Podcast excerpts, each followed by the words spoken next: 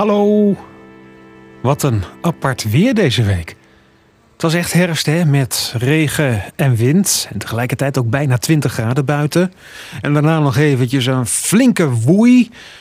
Met uh, windstoten tot uh, bijna 110 km per uur. De radio die ook nog eventjes uit de lucht was. Omdat uh, op de tv-toren in Goes het een en ander kapot was gewaaid.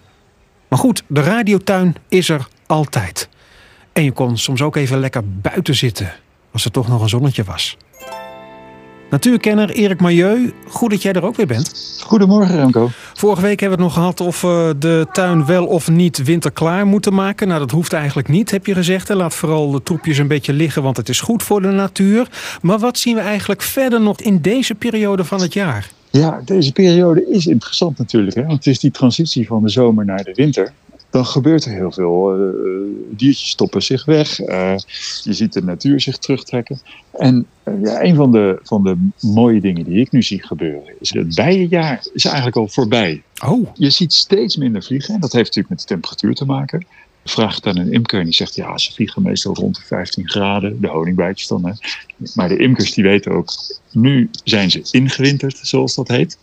De hommels, de wespen, uh, eigenlijk zijn al die nesten nu grotendeels klaar. En de koninginnen vliegen dan uit. Die verstoppen zich. En dan stopt het. En dan heb je, ja, de komende periode in geen bijen meer. Waar blijven ze eigenlijk dan al die tijd? Ja, dat is natuurlijk zowel een leuk, maar ook wel een heel hard uh, vervelend verhaal. Want zo'n hommelnest bijvoorbeeld. Uh, een enkel hommeltje kun je nog zien vliegen. Dat zijn nog wat late mannetjes. Maar het hele doel van het nest was om een koningin te produceren. En die verstoppen zich dus in de tuin of tussen takkenstapels of in houtblokken.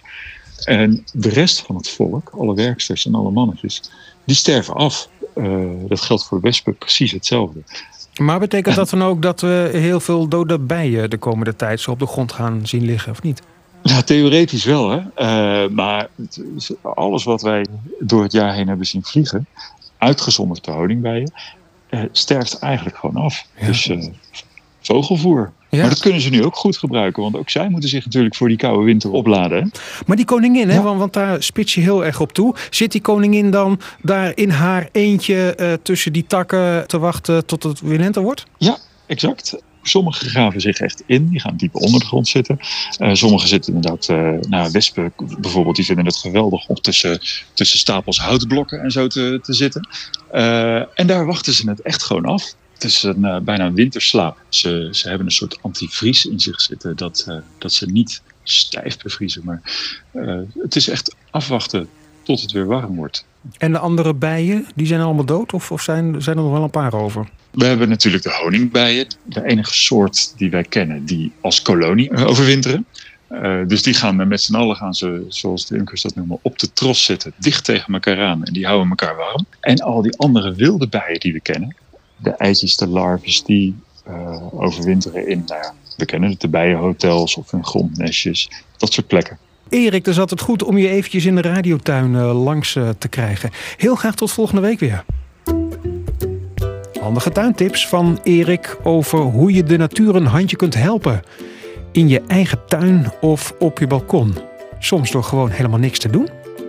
Meer babbels vind je op radiotuin.nl. Als je de podcast deelt, dank je wel. En reageren kan altijd via radiotuin.nl. Tot volgende keer.